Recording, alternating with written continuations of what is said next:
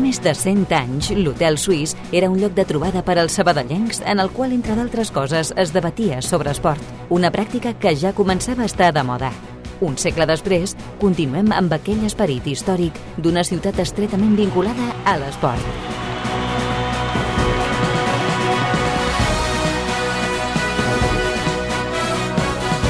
Hotel Suís, amb Adriana Arroyo.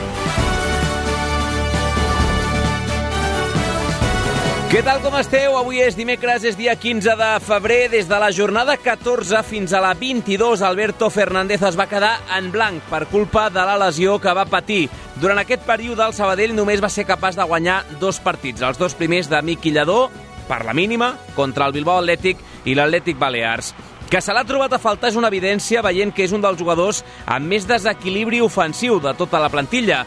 Ha fet dos gols en el que portem de temporada, el Johan Cruyff i també a los Pajaritos, i un cop recuperat està ara agafant ritme de competició. De moment, 45 minuts a Urritxe i 35 aquesta última jornada contra el Numancia a la Nova Creu Alta.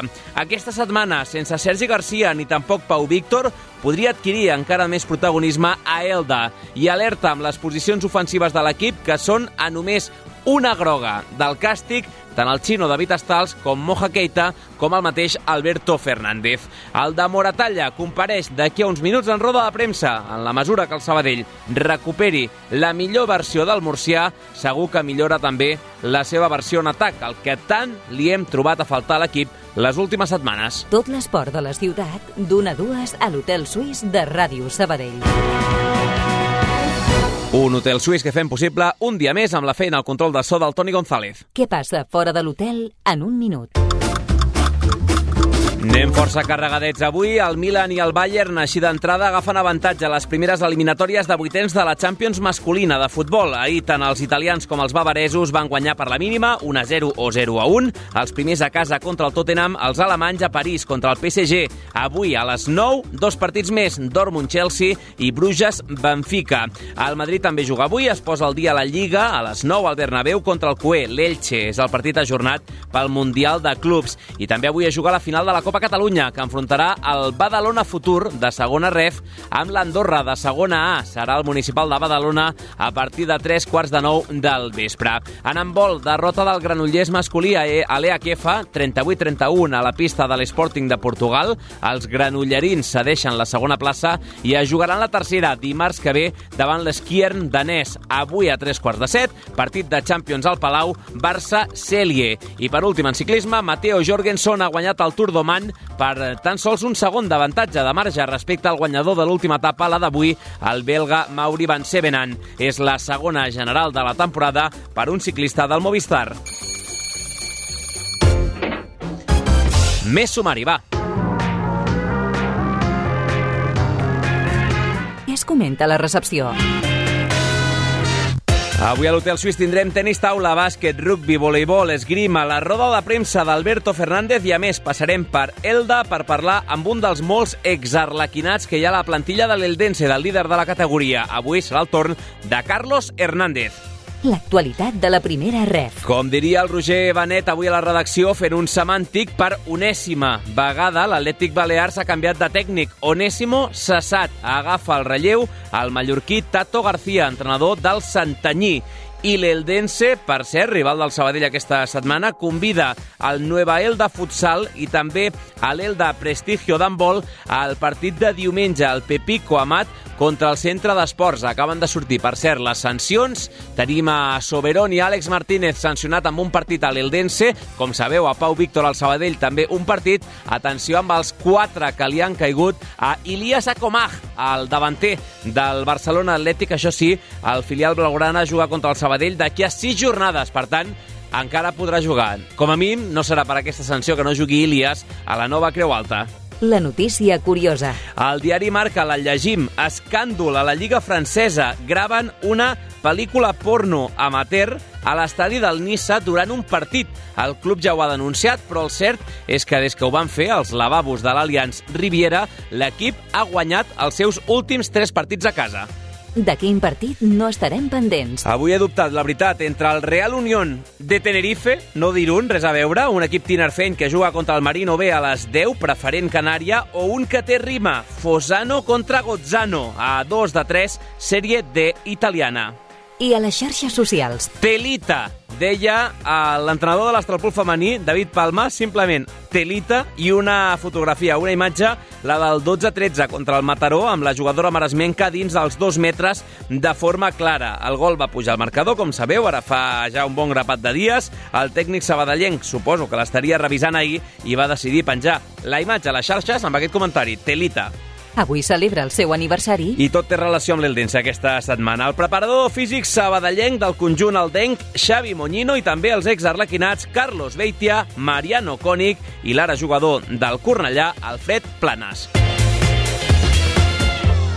Hotel Suís, de dilluns a divendres, a Ràdio Sabadell.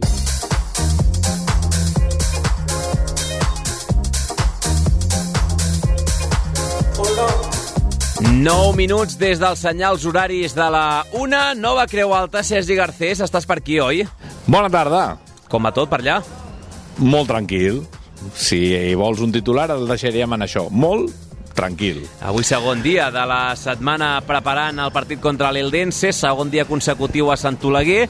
Ahir crec que l'antena no ho vam arribar a explicar, diria, però ara vaig una mica a peix de memòria a la web, a les xarxes socials, etc. sí, a la tarda el nom propi de Sergi Garcia, que era l'únic que teníem a la infermeria des de feia ja unes quantes setmanes, amb aquest trencament al semimembranós de la cama dreta. Avui, una altra vegada, cursa contínua per segon dia seguit també de l'atacant sabadellenc, però encara no amb el grup i no s'espera que reincorpori el grup encara, per tant, eh, se sumarà Pau Víctor en el capítol de baixes, no, Sergi? Sí, l'hem vist per aquí. De fet, eh, un primer grup de jugadors han tornat ara fa una estona per tranquil·litzar tothom, dir-te que el protagonista del dia, que és Alberto Fernández, ja hi és a l'estadi, ja ha arribat a l'estadi, per tant, mm, no anirem a hora, suposo, clavada, però tampoc hauríem d'anar molt més enllà d'un quart de dues, que és l'hora prevista per aquesta roda de premsa del Murcià.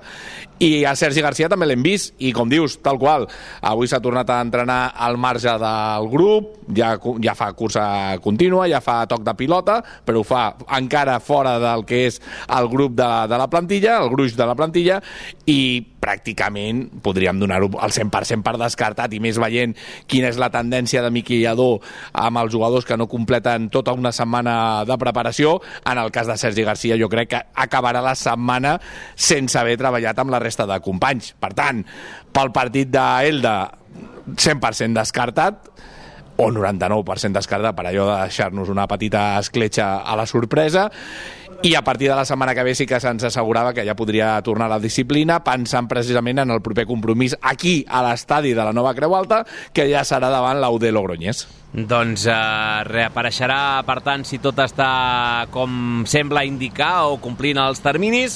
En el capítol de baixes, per tant, Sergi Garcia i Pau Víctor, que tinguem controlades, són les que té ara mateix Miqui Lladó per part de l'Eldense. Recordem que, a més del lateral esquerre, Àlex Martínez, que va veure la vermella, com explicàvem ahir, crec que era a Castàlia, també és part del partit per cinquena groga Mario Soberón, davanter. Per tant, un al darrere, un al davant. Soberón va veure la cinquena groga a l'afegit d'aquest aquest partit a Castelló i això que no havia estat titular, per tant, una segona eh, sanció que afecta a l'equip de Fer Estevez, que per cert, Sergi, eh, corregim una dada, eh? no és que sigui l'únic de la categoria que no hagi perdut encara en el que portem de Lliga a, al seu estadi.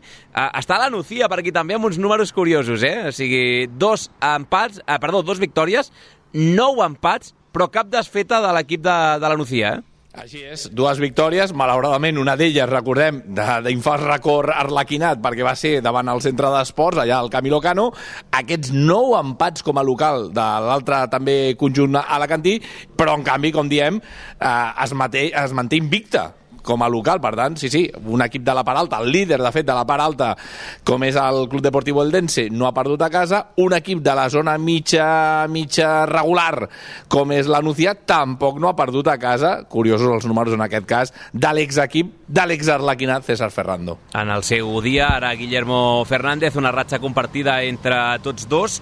Uh, clar, és que al final és molt curiós, perquè la no ha perdut, però ha sumat els mateixos punts a casa que el Sabadell, per exemple, que no és que estigui rendint a les mil meravelles a la nova Creu Alta, 15 punts pels alacantins i pel Sabadell, i l'Eldense tampoc ha perdut, molt millor registre, amb 8 victòries, 4 empats, cap derrota, però tampoc és el millor local. Per un puntet, pel partit d'aquesta setmana del Castellón, que va guanyar precisament contra l'Eldense, i per tant els orelluts tenen un puntet més de local que no pas els aldencs, però, però vaja, el que és evident és que aquesta setmana, agafant aquell tòpic tan manit, serà com una visita al dentista, eh? Sí, sí, és una visita complicada la que té el Sabadell, no només perquè els números així ho indiquen, a casa vull dir, sinó per tot el potencial que té el conjunt, eh, el DENC, com deies tu, eh, tindrà de baixa a Soberon. Com seran les coses que fins i tot dins de l'engranatge de del conjunt blaugrana és més important, sobretot pels minuts ja jugats, que si no vaig errat els havia jugat pràcticament tots o tots Àlex Martínez, eh, molt més important la baixa que té en aquest lateral esquerre que no pas la d'aquest jugador referència al davant que s'ha anat alternant minuts, doncs entre d'altres amb Àlex Arlequinat, Juan Tortuño, per exemple, però clar, el que dèiem, ja voldríem un davanter com Soberon que ara mateix no només no fos baixa l'Eldense, sinó que el tinguéssim nosaltres a la, a la disciplina del centre d'esports. En teoria, en el lateral esquerre, Rubén Correia, el suís, hauria de ser el seu recanvi. Veurem eh, si, si opta per aquesta fórmula Esteve, si acaba jugant amb un central reconvertit de lateral. Bé, en tot cas, eh, és, és un tema que afecta molt més al cos tècnic arlequinat per intentar endevinar les intencions dels alacantins que no pas eh, fer especulacions. Prou feines tenim amb les de del Sabadell i les de Pau Víctor, per exemple, que serà difícil de, de suplir. Ahir ja us feia fer aquesta travessa, Sergi, per tant no insistiré més, però sí que avui que Alberto Fernández, el de Moratalla, és protagonista, ho dèiem en començar, 45 minuts a Morevieta, 35 contra el Numancia, sortint d'una lesió que el va deixar fora de combat des de la jornada 14 a la 22. La sensació que jo tinc com a mínim és que necessitem el millor Alberto, que ja ens ha demostrat i molt del que és capaç en el que queda de temporada per poder com a mínim oferir una mica més del que estem fent en atac. Sí, és una referència o una de les referències evidents que té el, el Sabadell amb aquest punt de desequilibri.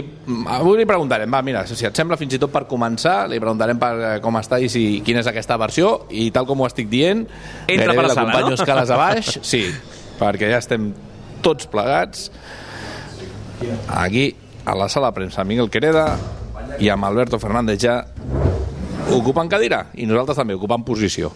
Doncs vinga, va, anem a escoltar aquesta roda de premsa en directe. Avui dimecres comença, com diu l'Agustí Bernat de Fons, el cap de premsa del Sabadell, la roda de premsa d'Alberto Fernández, del de Moratalla, del davanter, l'atacant sí, del Sabadell. Alberto, te quiero preguntar en primer lugar cómo estás, cómo te encuentras y, y en qué punto de, de, la mejor versión o no de Alberto Fernández nos encontramos ahora mismo. Hola, bueno,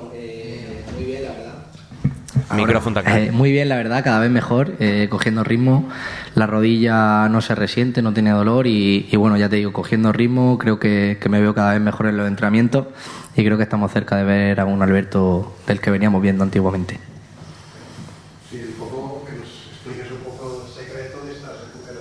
El secret d'aquestes recuperacions miraculoses perquè van retallant terminis. Bueno, gracias a Dios tengo buena genética, por así decirlo, porque al final se van acortando los plazos. Creo que también aquí me han ayudado mucho, hemos trabajado bastante y al final se pudo acortar alguna semana y, y bueno, todo lo que se pueda acortar y ahora mejorar el rendimiento, pues todo mejor. Dos mesos sense sumar, com ha viscut ell i sense canvi d'entrenador també pel. Bueno, al final siempre las lesiones y estar apartado fuera del terreno de juego es duro, ¿no? Eh, al final también un poco la mentalidad me cambió cuando tuve la otra lesión grave de rodilla y al final pues creo que te vas acostumbrando y lo vas sabiendo llevar mejor con los años, con la madurez y al fin y al cabo pues no te queda otra que apoyar desde fuera, trabajar desde fuera y ahora bueno, pues a trabajar desde dentro y ayudar lo máximo al equipo. Sí, en este tiempo hemos visto la mejor versión o una de las buenas versiones del Sabadell, manteniéndose invicto, esas cinco jornadas sin perder. Quizá lo que ahora penaliza son esos tres empates, sumado evidentemente con la derrota. Nos deja ahí en una situación, o ha dejado al equipo otra vez en una situación complicada. Sí, bueno, lo que tú dices, al final nosotros siempre queremos ganar. Venimos de una racha que al final son empates y, y, y no suman los tres puntos. Y al final la derrota ahora en casa te duele más, pero bueno, nosotros estamos convencidos, estamos trabajando mucho, creemos mucho en el equipo y, y vamos a sacar las cosas adelante. Sí, durante bastante tiempo de esa temporada nos hemos pasado hablando de errores defensivos. Errors defensius. Ara sembla que l'equip havia aconseguit aquesta solidesa, más ahora de que no se marca però en canvi l'equip no marca gols. como parte afectada, digamos, del Li pregunten per la seva situació de com atac. A ver, durante la primera parte de la temporada estaba claro que, que lo defensivo era donde más, donde más cojeábamos. Al final, creo que estas primeras semanas eh, el nuevo mister quiso poner más enfoque en el tema defensivo. Creo que quiso mejorar eso. Al final tenemos que llegar a una concuerda de las dos cosas, el ataque y la defensa. Creo que poco a poco lo, lo estamos consiguiendo. El tema de ataque lo, lo estamos mejorando, lo estamos entrenando más y creo que dentro de poco saldrán las cosas mejor.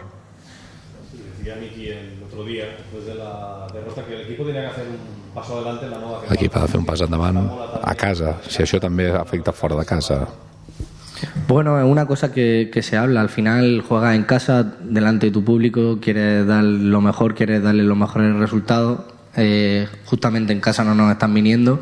Y bueno, eh, queremos ganar tanto fuera como dentro. Yo el domingo solo pienso en una cosa que es ganar y, y vamos a salir a ello.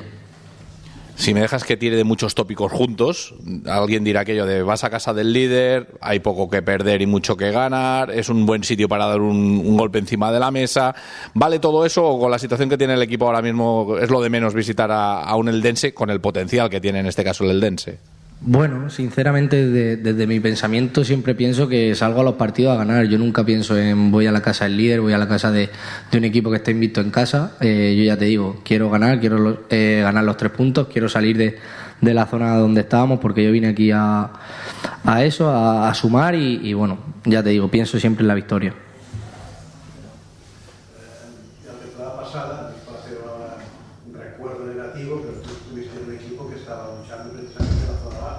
Pregunten pel seu pas per un equip que ja va patir, si això ajuda també o no. Si això genera ansietats, angoixes, el fet de veure't a la part baixa. Bueno, al final hay gente joven que, que está madurando, que bueno, que estamos ma- madurando, yo también me considero, pero al final creo que los que eh, somos un poco más veteranos en el sentido de que llevamos más tiempo en estas categorías, sabemos que, que tenemos años de, de todo tipo, hay unos que se disfrutan más, otros que se disfrutan menos y otros que hay que, hay que luchar desde abajo, intentar sacar los dientes y, y ya te digo, el equipo está tranquilo, nosotros confiamos en nosotros, el cuerpo técnico confía en nosotros y, y sabemos que lo vamos a sacar adelante. mensajes de tranquilidad, como decía. Missatge de tranquil·litat. Serenidad, la palabra serenidad. Eh, estáis en el, en el descenso ahora mismo, ¿cómo lo estáis viviendo? Com s'està vivint això? Bueno, ya, como te he dicho antes, creo que lo, estamos llevando bien. Creo que al final eh, tienes que llevarlo con naturalidad, con tranquilidad. Creo que, o sea, tenemos los mismos puntos que los que están por delante de nosotros. O sea, no es una situación crítica. Al fin y al cabo, creo que, que nuestra buena racha de verdad de, varios partidos ganando va a llegar. Que al final no la hemos tenido en toda la temporada. Y en el momento que, que nos llegue ese momento, que la gente confíe, que, que vamos a salir hacia adelante. Sí, una más por mi parte, al menos preguntándote ya mm, concretamente por el Eldense, más allá de no fijarse mucho en el rival o fijarse en uno mismo, lo que está claro es que delante vais a tener, porque así lo dicen también ahora los números, si no el mejor, uno de los mejores equipos que hay este año en el, en el grupo 2. ¿Cómo se le afronta o cómo se afronta un partido de estas, de estas circunstancias, pensando sobre todo en eso, lo que os vais a encontrar allí, en el rival que hay delante, en el potencial que hay delante? Bueno, tú, como, como has dicho, eh, lo afrontamos de, de- una manera que el cuerpo técnico nos ayuda mucho con vídeos, con, con los puntos fuertes que tienen, con los puntos débiles que, que tienen también, nos han enseñado, estamos trabajándolo y, ya te digo, eh, intentando estar concentrados, mejorando los puntos eh, a mejorar nuestros, eh, que pueden ser nuestras debilidades y atacando la- las debilidad- debilidades suyas.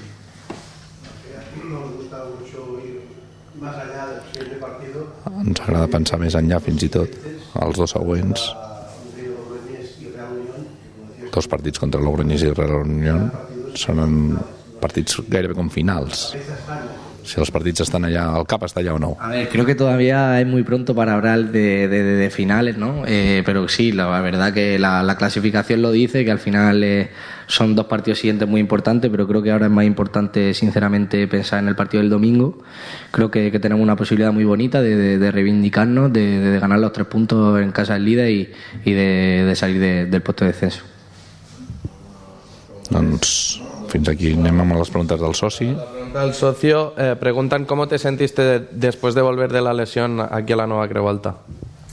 Bueno, la verdad que muy bien, que, que tuve muchos minutos, eh, estoy muy contento de volver, quiero dar el máximo, eh, darle alegría a la afición y, y bueno, muy, muy contento, muy feliz de, de estar ya de vuelta. Y después la de pregunta al compañero, y se han pasado un poco, eh, la pregunta es si crecerás. Siempre están con la misma broma, o sea que es complicado ya, crecer 23 años ya estoy más viejo que, que otra cosa, sé que es complicado. 23 anys i vell, imagina't. Home, per cre- per créixer, ens- sí. Ens hem retirat de cop. No, no, està clar, està clar que per créixer ja ni que el posin cap per avall a casa totes les nits, saps? Doncs Alberto Fernández, que ha passat Marxa. per, per roda de premsa. Uh, deies marxa, Sergi? Sí, sí, marxa, marxa el, el Murcià cap a dalt, perquè de fet ha, ha vingut, després tindreu possibilitat de veure imatges aquells que no hagin seguit la roda de premsa en directe, encara vestit amb la roba de- d'entrenament i mentre van sortint, altres companys ja canviats, dutxats i, i cap a casa. Estava intentant buscar la, la dada de l'alçada d'Alberto Fernández. Uh, 1,66. És que és petitó, eh? És petitó, és petitó. Si no el més petit, amb David Estals, eh, deu estar gairebé la, la cosa. Mm, és, dels, és dels baixets. Simplement per rematar el que t'estava preguntant abans de- d'entrar a la sala de premsa Miguel Creda, Sergi, aquella sensació que en la mesura que Alberto agafi aquest to, aquesta confiança, aquesta bona versió que deia ell mateix que havíem vist ja d'Alberto, no sé, amb els gols, per exemple, a Sòria, Sant Joan d'Espí, eh, la sensació de ser un jugador desequilibrant, guanyarem, farem un passet endavant no? en, en posicions ofensives, com a mínim transmet aquesta sensació que se l'ha trobat a faltar en aquests últims dos mesets. Sí, és un jugador d'aquells eh, que saps que quan la pilota passa pels seus peus alguna cosa pot passar, no? Et posen alerta i et posen alerta a tu com a aficionat i al rival també com a saber que se li ve un problema a sobre, però clar, per això, com ell mateix comentava, hem de recuperar aquesta bona versió que vam veure des de la primera etapa com a mínim fins que va caure la primera lesió. A partir d'aquí jo crec que, que ha estat aquest punt d'irregularitat, de bons partits, de grans actuacions, amb algun dubte. Ara diu que mica en mica el genoll ja el, ja el respecta, que ja no hi ha molèsties, i segurament això és la millor notícia, i un cop s'agafi el ritme al 100%,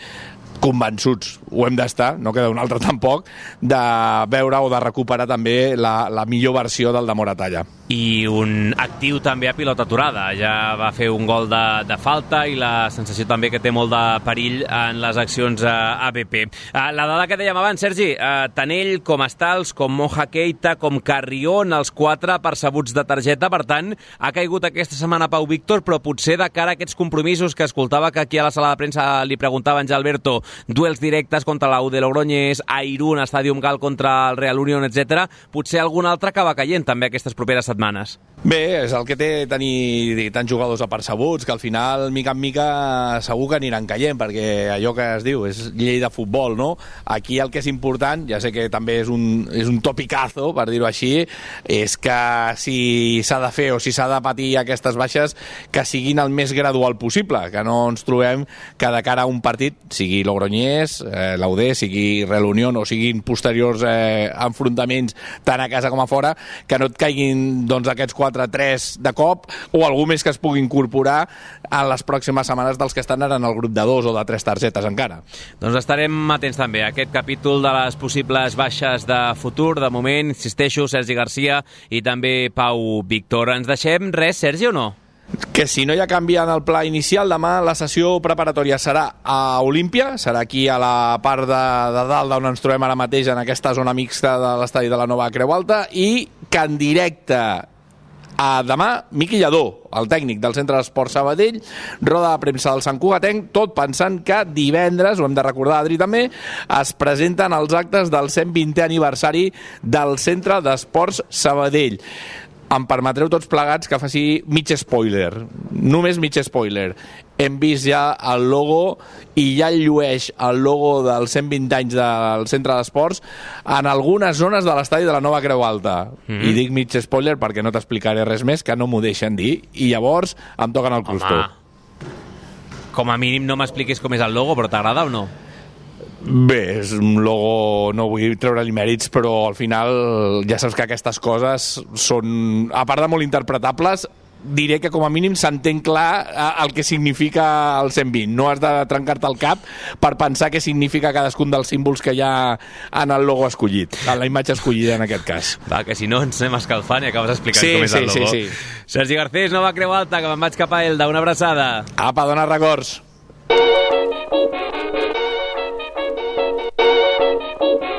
Portes giratòries.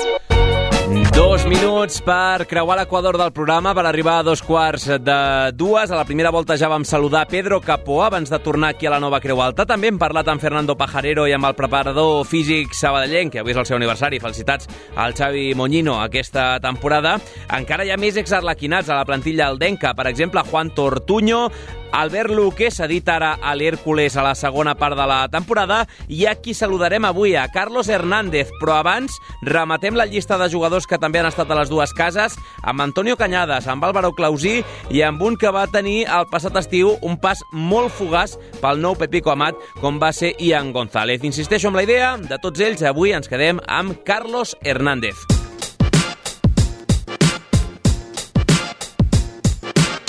Carlos Hernández va debutar a segona amb la samarreta del Sabadell l'any 2013. Sorgit del Real Jaén, el club de la seva terra, el central va debutar amb l'equip Lagarto amb 19 anys i després de tres campanyes allà va signar per l'Aragón, el filial del Real Zaragoza, també a segona B. Des de la capital aragonesa va aterrar a Sabadell per fer aquest salt endavant a la seva carrera. 70 partits va disputar amb els colors arlequinats en les dues temporades que va estar aquí, fent dos gols, un 4-0 contra el Mallorca i un 1-2 contra el Real Murcia en Copa. Curiosament, a la nova condomina va coincidir a l'11 amb un altre company seu ara mateix a Elda, Juan Tortuño, una etapa que malauradament va cloure amb el descens del 2015 al Molinón. Des d'aleshores i fins a aquesta temporada, el de Jaén s'ha mantingut a la categoria de plata del futbol espanyol, dues temporades al Lugo, quatre a l'Oviedo i l'última, també amb descens, a l'Alcorcón. Així ha acabat els seus 32 anys a l'Eldense, on enguany lluita per ascendir a la Lliga Smartbank. De moment, amb els alacantins, el defensa ha jugat 18 partits, 15 de Lliga i 3 de Copa. Exarlequinado, central ahora del Eldense, Carlos Hernández, ¿qué tal? ¿Cómo va todo por Elda? Hola, buenas tardes. Pues la verdad que muy bien. No nos podemos quejar después de, de cómo está yendo la temporada, la verdad que muy contento. Líderes luchando por todo, en la parte alta de la clasificación prácticamente toda la temporada, sin haber perdido en casa, sin haber perdido dos partidos seguidos y venís de perder ahora en Castalia, que no sé cómo, cómo ha afectado esa derrota contra un rival directo. Bueno, al final sabemos que era un, partido importante, pero al final son tres puntos igual y, y yo creo que, que llevamos dos meses sin perder y era algo que tarde temprano tenía que llegar. Bueno, llegó en Castellón contra un gran equipo y también es verdad que la expulsión no, nos condicionó mucho y, al final fuimos a remolque ya no pudimos dar la vuelta al resultado. Pero bueno, yo creo que sensaciones no fueron malas y en líneas generales durante toda la temporada yo creo que el equipo está rindiendo muy bien. Ahora comentabas la roja de Alex Martínez, te iba a decir que como peaje de cara al partido de esta semana, eh, un par de sanciones, ¿no? Soberón, quinta amarilla, Alex Martínez la, la roja, no sé cómo puede eso notarse este domingo en el Pepico Amat. Bueno, al final son dos jugadores importantes que, que vienen jugando durante toda la temporada, y pero bueno, yo creo que al final hay buenos jugadores y, y quien, lo, quien salga pues lo tendrá que hacer bien y esperemos que así sea. No habéis perdido en el Pepico Amat. Eh, nos toca ir esta semana hacia allí. ¿Cuál es el secreto? ¿Por qué no habéis perdido aún? Bueno, yo creo que el secreto es que es, al final en, en, casa pues somos fuertes, no, no, no sabemos encajar muchos goles y, y, luego pues hemos tenido mucha efectividad de cara a gol y, y hemos, metido, hemos metido muchos goles. Entonces el secreto pues no sé, igual a lo mejor jugar en casa hace que, que tenga un plus más de, de motivación, pero no sé, la verdad que que somos fuertes aquí eh, y esperemos que así, siga siendo. Ahora repasábamos un poquito tu, tu currículum. eh, nada, de aquí a unos minutos te preguntaré también por, el Sabadell, pero eh, bajas desde segunda división a primera ref, que en cierta manera es una categoría en la que muchos equipos quieren estar arriba y no todos pueden, y de hecho algunos están incluso abajo, aún estando confeccionados para estar arriba. Vosotros veníais eh, como club, el Eldense, de haber ascendido, pero una señora plantilla, un, un proyecto ambicioso. Luego eso hay que saber digerir la presión y la sensación desde fuera es que lo estáis haciendo a las mil maravillas.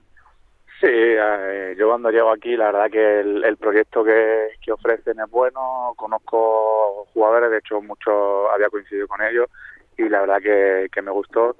Eh, y bueno, yo creo que la- lo, lo más importante del grupo, aparte de que hay muy buenos jugadores, hay muy buen vestuario, que desde el primer día la gente se ha integrado, la gente trabaja mucho y yo creo que, que el objetivo está claro, aunque va- vamos primera hora, yo creo que hay que ser consciente de que esto todavía queda mucho, es muy largo y que va a haber también momentos malos. Y si sabemos sa- salir de, de esos momentos malos, yo creo que al final vamos a estar, a- vamos a estar arriba.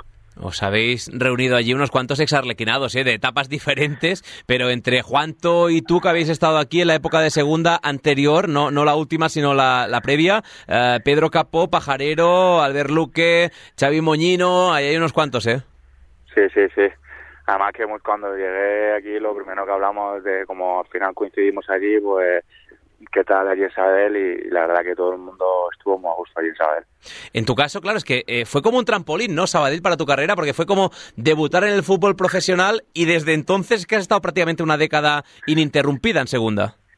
Sí, sí, yo tengo un muy buen recuerdo de Sabadell porque al final fue el equipo que me dio la oportunidad de, de dar el salto en segunda. Eh, me acuerdo que dos semanas antes de empezar la liga llegué prácticamente sin conocer a los compañeros el primer partido pues, porque había muchas bajas en defensa, tuve que jugar, encima ganamos 4-0 contra el Mallorca, eh, me- meto gol, yo creo que al final ese recuerdo lo voy a tener siempre y, y en líneas generales yo saber lo, lo- lo guardo como, como un buen recuerdo tanto a nivel deportivo como personal, aunque sí que es verdad que el segundo año ya pues fue un poco más más eh, a nivel deportivo pues fue el descenso, pero bueno, yo creo que, que fue lo que me hizo también madurar como futbolista y también consolidarme luego en el inicio de, de todos mi- mis años en segunda división. Buscaba fotos tuyas aquí en Sabadell, que, que ya ha pasado unas cuantas temporadas como quien no quiere la cosa. Es que acabaste jugando incluso de portero, ¿eh? Sí, me acuerdo contra el Recre, sí, sí, sí, que pulsaban a Naucé y tengo alguna foto por ahí de, de portero y, y de hecho a muchos compañeros se, se la enseño. Digo, yo aunque aunque no lo creáis, hasta jugado de portero en segunda división. En, en el, en el vestuario también, en los entrenos, de decir, ah, ya me meto yo, déjame los guantes o no. Sí, sí, sí, al final, a mí me gusta. A mí al final los, los defensas estamos acostumbrados a que nos den pelotazos y, y nos ponemos donde haga falta. Acabo preguntándote por el Sabadell, no de aquella época, ya decías ahora que el, descenso fue un palo, pero te, curtió en cierta manera, eh, sino por el del 2023. No sé cómo lo ves, rival esta semana del, del Eldense, ¿cómo lo esperáis allí por Elda esta semana, al Sabadell? Bueno, al final es un equipo que juega bien, es verdad que, bueno, está abajo, no es fácil. Hay equipos que a priori nadie iba, iba a pensar que iban a estar abajo, pero bueno, al final yo creo que hay muy- muy grandes equipos en, la primera red, yo creo que, que nos va a hacer un, partido difícil y bueno, ya que venimos de una derrota, al final pues nosotros tenemos que ser conscientes de que tenemos que sumar en casa de tres en tres y, bueno, yo creo que, va a ser un partido muy igualado y, y a ver qué pasa. ¿Qué os ha dicho el míster, por cierto? Y con eso ya lo remato. ¿Qué guion de partido esperáis? Eh, ¿Un Sabadell eh, quizá menos propositivo o esperando a verlas venir o...? No, bueno, todavía no, tenemos, no hemos tenido el análisis de, del Sabadell, lo tendremos mañana. Hemos hablado más del, del partido de, del Castellón, de cosas de corregir, pero sí que es verdad que, que lo que ha dicho por encima es que tiene patrones similares y bueno, que la- las cosas que hicimos mal en, en Castellón, pues que, que no nos vuelva a pasar en, en casa con Sabadell.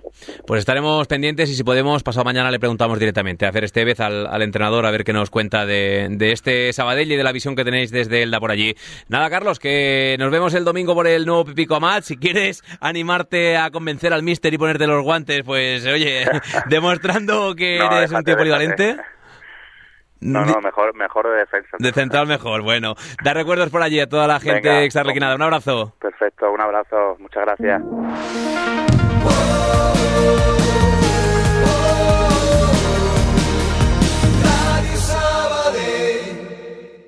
El dia 18 de febrer a les 11 del matí, al Mercat Central celebrem Carnestoltes amb un divertit concurs de disfresses infantil.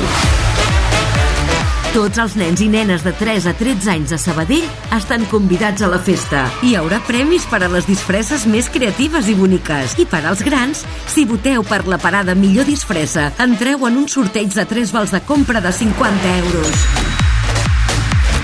Vine al Mercat Central de Sabadell, inscriu els teus nens i gaudeix de Carnestoltes. Som Sabadell.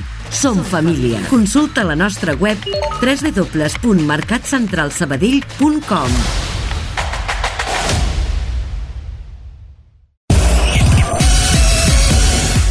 informació. I també una mica com el Virolet, són dues de les obres grans de Sabadell que tenim prioritzades en aquest pla d'encàrrec i, i actuacions. L'anàlisi de l'actualitat. A veure, jo penso que això es produirà durant dos trimestres amb recessió. Les notícies d'última hora. Doncs a hores d'ara tenim afectacions generalitzades a totes les línies de Rodalies que poden superar els 30 minuts. Tot això i molt més ho trobareu de dilluns a divendres a partir de les dues al Notícies Migdia. Notícies migdia. La informació en 15 minuts.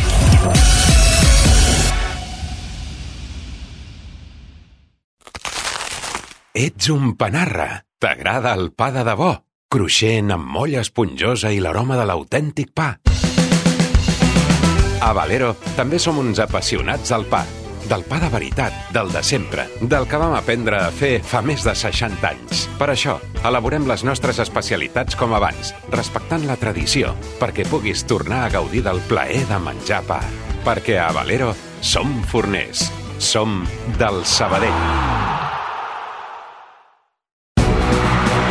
D'una a dues, l'Hotel Suís, a Ràdio Sabadell.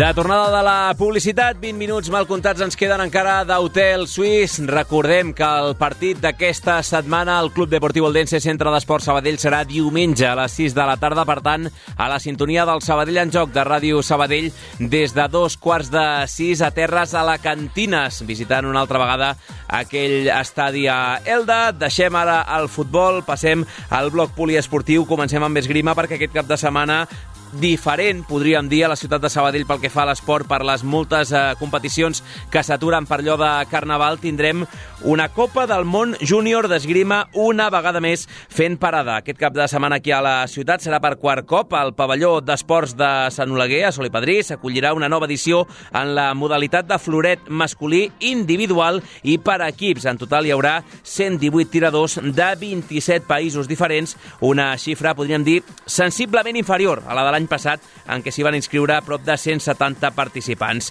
Elvira Lupascu, vicepresidenta del Club d'Esgrima Sabadell Jaume Viladoms, ha explicat el per què, el motiu d'aquest descens, d'aquesta davallada. Esta Copa del Mundo es la última del circuito de junior de, de la temporada y seguido ya la próxima semana comienza el campeonato europeo. Probablemente por esto hay menos participantes de lo esperado. Com ja és habitual, l'entitat sabadellenca tindrà triple representació amb Alan Fernández, amb Alberto Romero i també amb Arnau Gumà. Aquest últim, per cert, també formarà part de la selecció espanyola. Miquel Ojeda és el president de la Federació Catalana d'Esgrima. Aquí crec que cal destacar la participació dels esportistes del Club de Sabadell, que precisament és un dels objectius de, de fer la competició aquí, no? la, la, la combinació de tenir un club que és una molt bona pedrera de, de floret i, i que es pugui fer una competició d'aquest nivell que els hi serveixi com, com a estímul i com a formació. Ojeda també ha apuntat que els italians i els francesos surten com a favorits en absència novament dels russos i dels bielorussos exclosos des de l'esclat del conflicte de la guerra a Ucraïna. A més, faran entrega de la medalla del centenari de la Federació a l'Ajuntament de Sabadell. Per la seva part, la regidora d'Esports, Laura Reyes, ha remarcat la consolidació d'aquesta Copa del Món aquí a Sabadell. Cal destacar la importància d'aquest event eh, perquè la nostra ciutat pues, consolida un any més eh, una prova oficial del circuit internacional d'esgrima. Hem d'agrair al club i d'esgrima Sabadell Jaume Viladons i a tots els organismes federatius per la confiança i l'esforç que fan en, en l'organització d'aquesta prestigiosa eh, competició per als èxits esportius d'edicions de, anteriors amb aquesta Copa del Món. A més, a diferència de l'any passat, aquest cop no hi haurà restriccions d'aforament per allò de la Covid i l'entrada al pavelló d'esports serà completament gratuïta, serà de franc. Si voleu mm, provar, donar-li un cop d'ull a veure què tal això de l'esgrima, a més de primer nivell de la Copa del Món Júnior, dissabte la competició individual anirà de 9 del matí a 4 de la tarda i l'endemà diumenge de 9 a 2 es durà a terme la prova per equips amb una vintena de seleccions ja confirmades. Escolta el programa quan tu vulguis al podcast de l'Hotel Suís.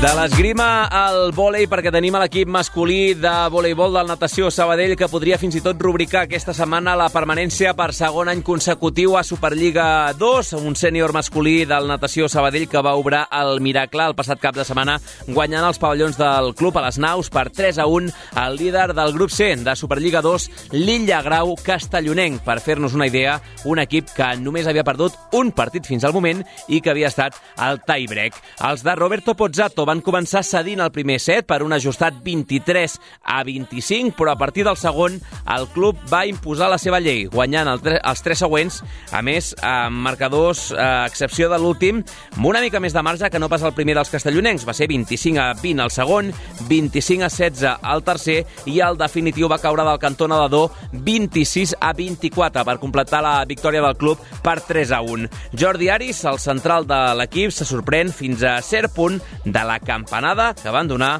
al seu pavelló. Aquesta setmana hem fet un, una setmana d'entrenaments ja gairebé enfocada a la setmana següent que teníem el Lleida, que era el nostre rival directe, i, i la veritat és que el bon ritme de treball i la, la pedagogia que vam fer com a grup per intentar tirar-ho endavant, eh, de cop ens vam trobar guanyant un partit contra el líder que no ens esperàvem i que de cop eh, ens va donar molta motivació Grata sorpresa, per tant, pels de Pozzato. Després d'aquesta victòria de molt prestigi, el Natació Sabadell de vòlei masculí ha d'anar a jugar, com escoltàvem ara, a la pista del Balàfia, Lleidatà, un rival de la zona mitjana de la taula. És un partit que, si guanyen els nedadors, combinat amb una derrota del Zaragoza a casa, això sí, contra el segon, contra el Sant Pere i Sant Pau, donaria ja la salvació matemàtica al club per segon any consecutiu i a falta de cinc jornades amb molt de marge respecte al final. Amb la seguretat de mantenir-se des de fa setmanes a la categoria de manera virtual, Aris se centra ara en l'objectiu d'acabar el més amunt possible. La veritat és que, lògicament, el nostre objectiu de principi de temporada passava per, per fer els deures en la permanència, però crec que el grup està fent una bona feina i ara mateix és una cosa que eh, estem més, sent més, intentant ser més ambiciosos i, i mirar cap amunt. No? La veritat és que el, el Lleida és el primer rival directe que sí que ens asseguraria matemàticament la salvació, però ja no ens conformem amb això, sinó que volem guanyar el Lleida per poder-lo passar en la classificació.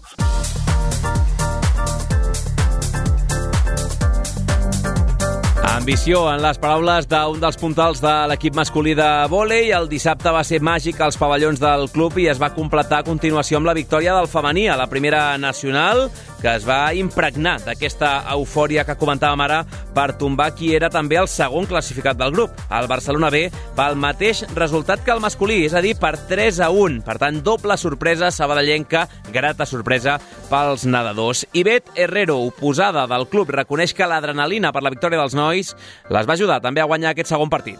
Després de la victòria del masculí, que estava tot el club eufòric i que ningú s'ho creia perquè van jugar contra els primers, doncs nosaltres mm, vam seguir la mateixa dinàmica i també vam començar el partit, jo crec, eufòriques.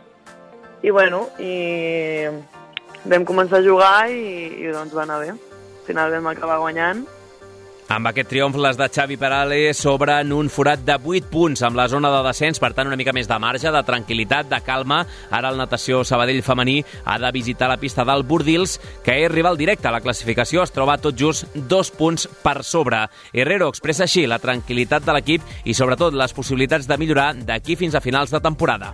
Després de, de la victòria del Barça, de veure que realment portem bastanta diferència amb els, pues, a la zona de perill, i que, bueno, al final també l'equip de, de davant que portem, que juguem aquest cap de setmana, el portem a dos punts. Vull dir que hi ha probabilitat encara d'anar tranquil·les i, i, i no estar patint. Horaris del cap de setmana, el masculí jugarà a Lleida contra el Balàfia dissabte a les 4 de la tarda, mentre que el femení visitarà el Bordils en aquest duel directe que dèiem de la primera nacional femenina el mateix dia dissabte, però una mica més tard, a les 7 del vespre. Del voleibol, ara passem al rugby. Tot l'esport de la ciutat, d'una a dues a l'Hotel Suís de Ràdio Sabadell.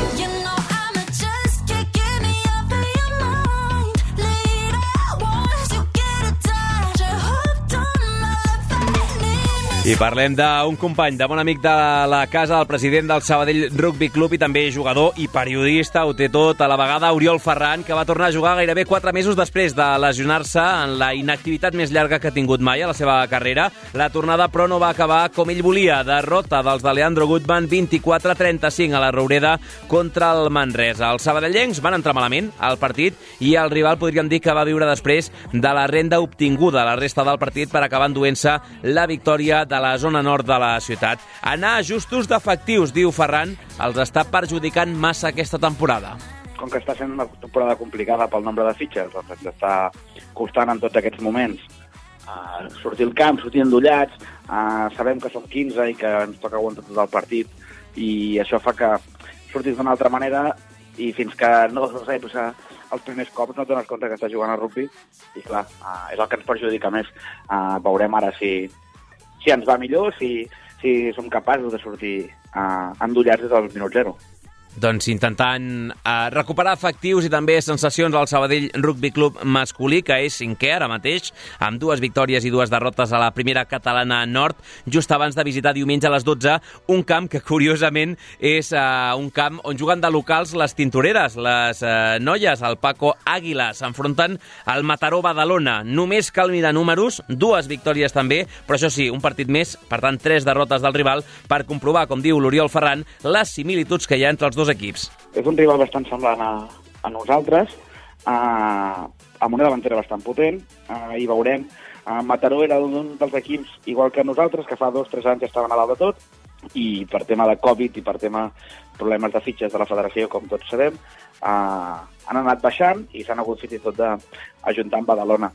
Juguem diumenge al matí, que també eh, pot ser un fet diferencial, perquè no estem acostumats a jugar els diumenges, eh, però bé, esperem que, que puguem endur-lo partit. Com escoltàvem diumenge a les 12, aquest partit entre el Mataró Badalona i el Sabadell Rugby Club. Abans, dissabte, a les 8, déu nhi l'hora, a la Fuixarda haurà jugat l'equip femení, les tintoreres, que visiten el Químics Buc en un duel fratricida entre el líder i el segon, classificat ara mateix de segona. La fusió del Sabadell, el Mataró, el Badalona i la Lella té l'opció de desbancar el primer classificat, ja que tenen les mateixes victòries, però les tintoreres amb un partit menys. A més, com recorda la jugadora Montse Martín, amb l'espina clavada de la derrota s'oferta contra el mateix rival a la primera volta. De fet, és la única de tota la Lliga, justament contra el Químics Buc.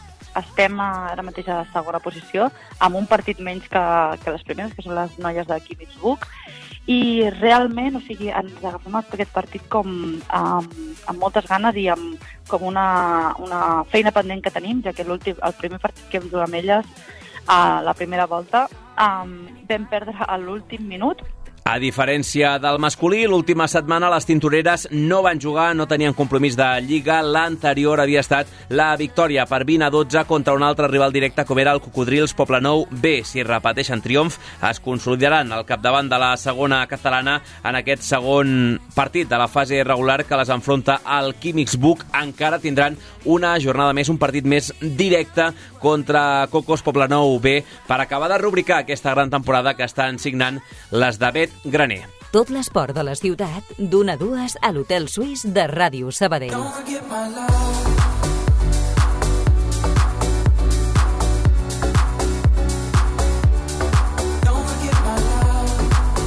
8 minuts queden de programa. Pau Vituri, què tal, com estàs? Què tal, Adrián Arroyo? Bon dia. Puc eh, fotre't el pal a l'antena o no? Deies avui que eres més de A veure. futbol americà que no pas de rugby, eh, a la redacció?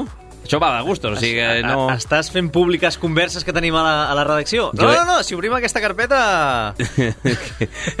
Vigilem amb les converses que es fan a la redacció i després surten a la llum pública. Però sí, sí, sí, no, no me n'amago, sóc més de futbol americà que de, que de rugby.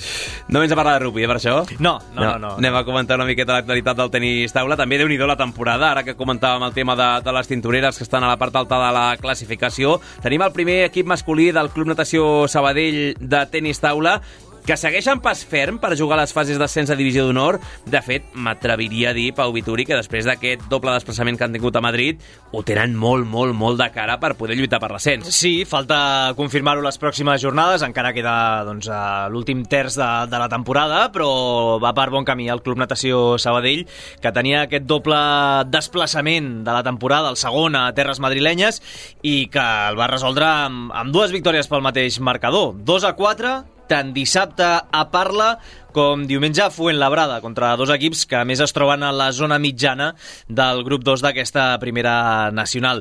I al final, quan tens dos palistes eh, infal·libles, com és el cas del portuguès Nuno Gonzaga, que és el gran reforç de l'estiu, i tens el jove Luca Kidasheli, que és molt jove. Però molt, eh? Però molt jove, però és un talentàs com una catedral, doncs eh, tot es fa doncs, eh, més, més fàcil.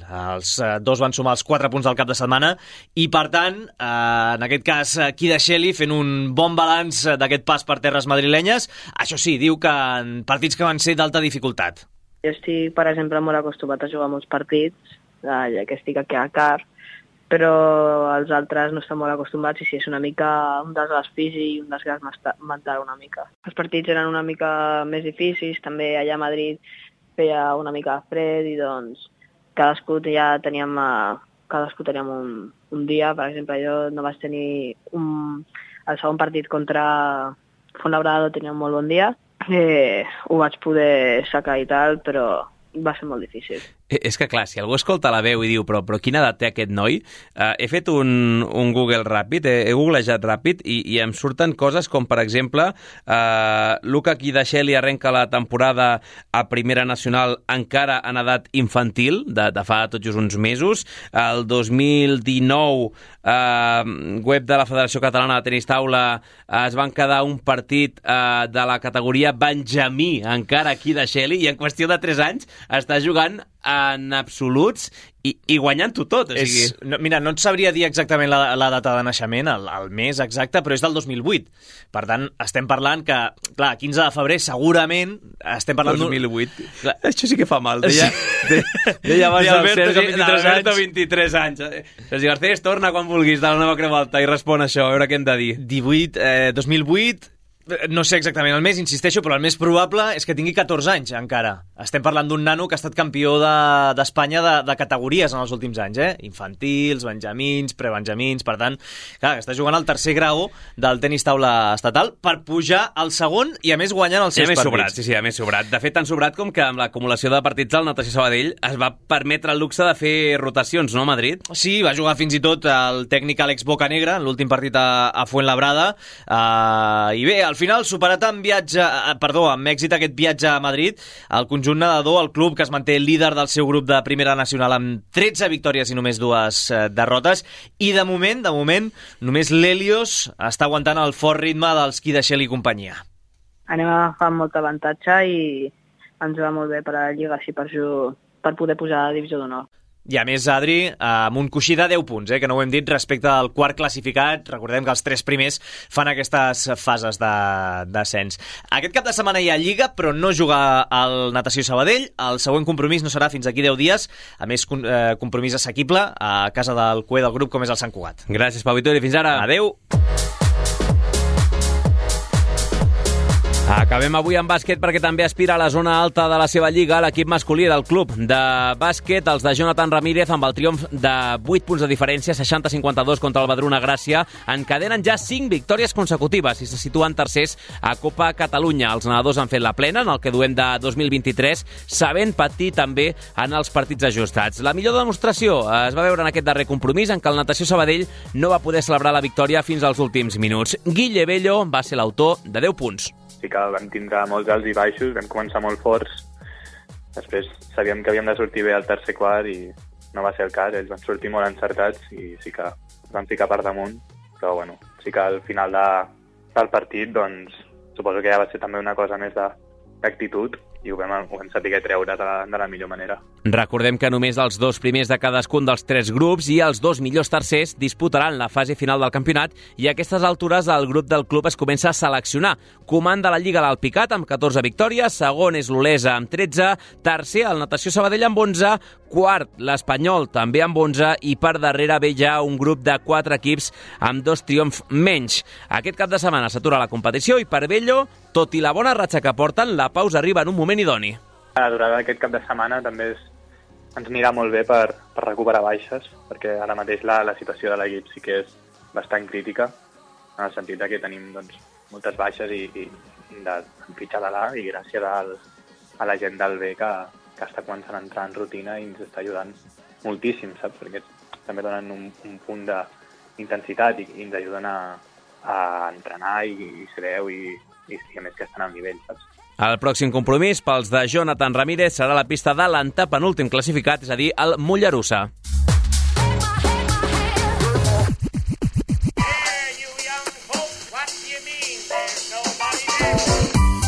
Demà aquí a l'Hotel Suís serà un dia en certa manera ja de prèvies, però és que demà mateix tenim esport, per exemple, de futbol sala, Copa Catalunya, Badalonès contra Natació Sabadell i també de futbol territorial, els últims minuts pendents del Canrull Rómulo Tronchoni Ripollet, ajornat en el seu dia amb 1-0 a falta de 20 minuts pel final a segona catalana, al grup 4B.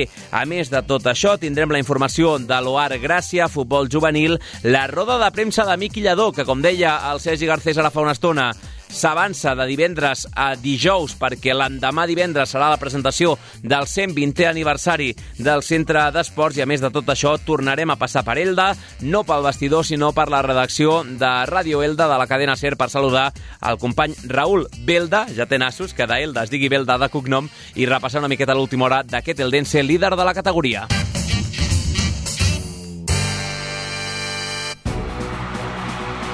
Això demà a la una, ara abraçada des del control de so del Toni González. Arriben les notícies amb la Núria Garcia al capdavant del Departament d'Informatius. Podeu recuperar el podcast del programa de l'Hotel Suís a radiosabadell.fm. Que passeu un bon dimecres. Adéu-siau.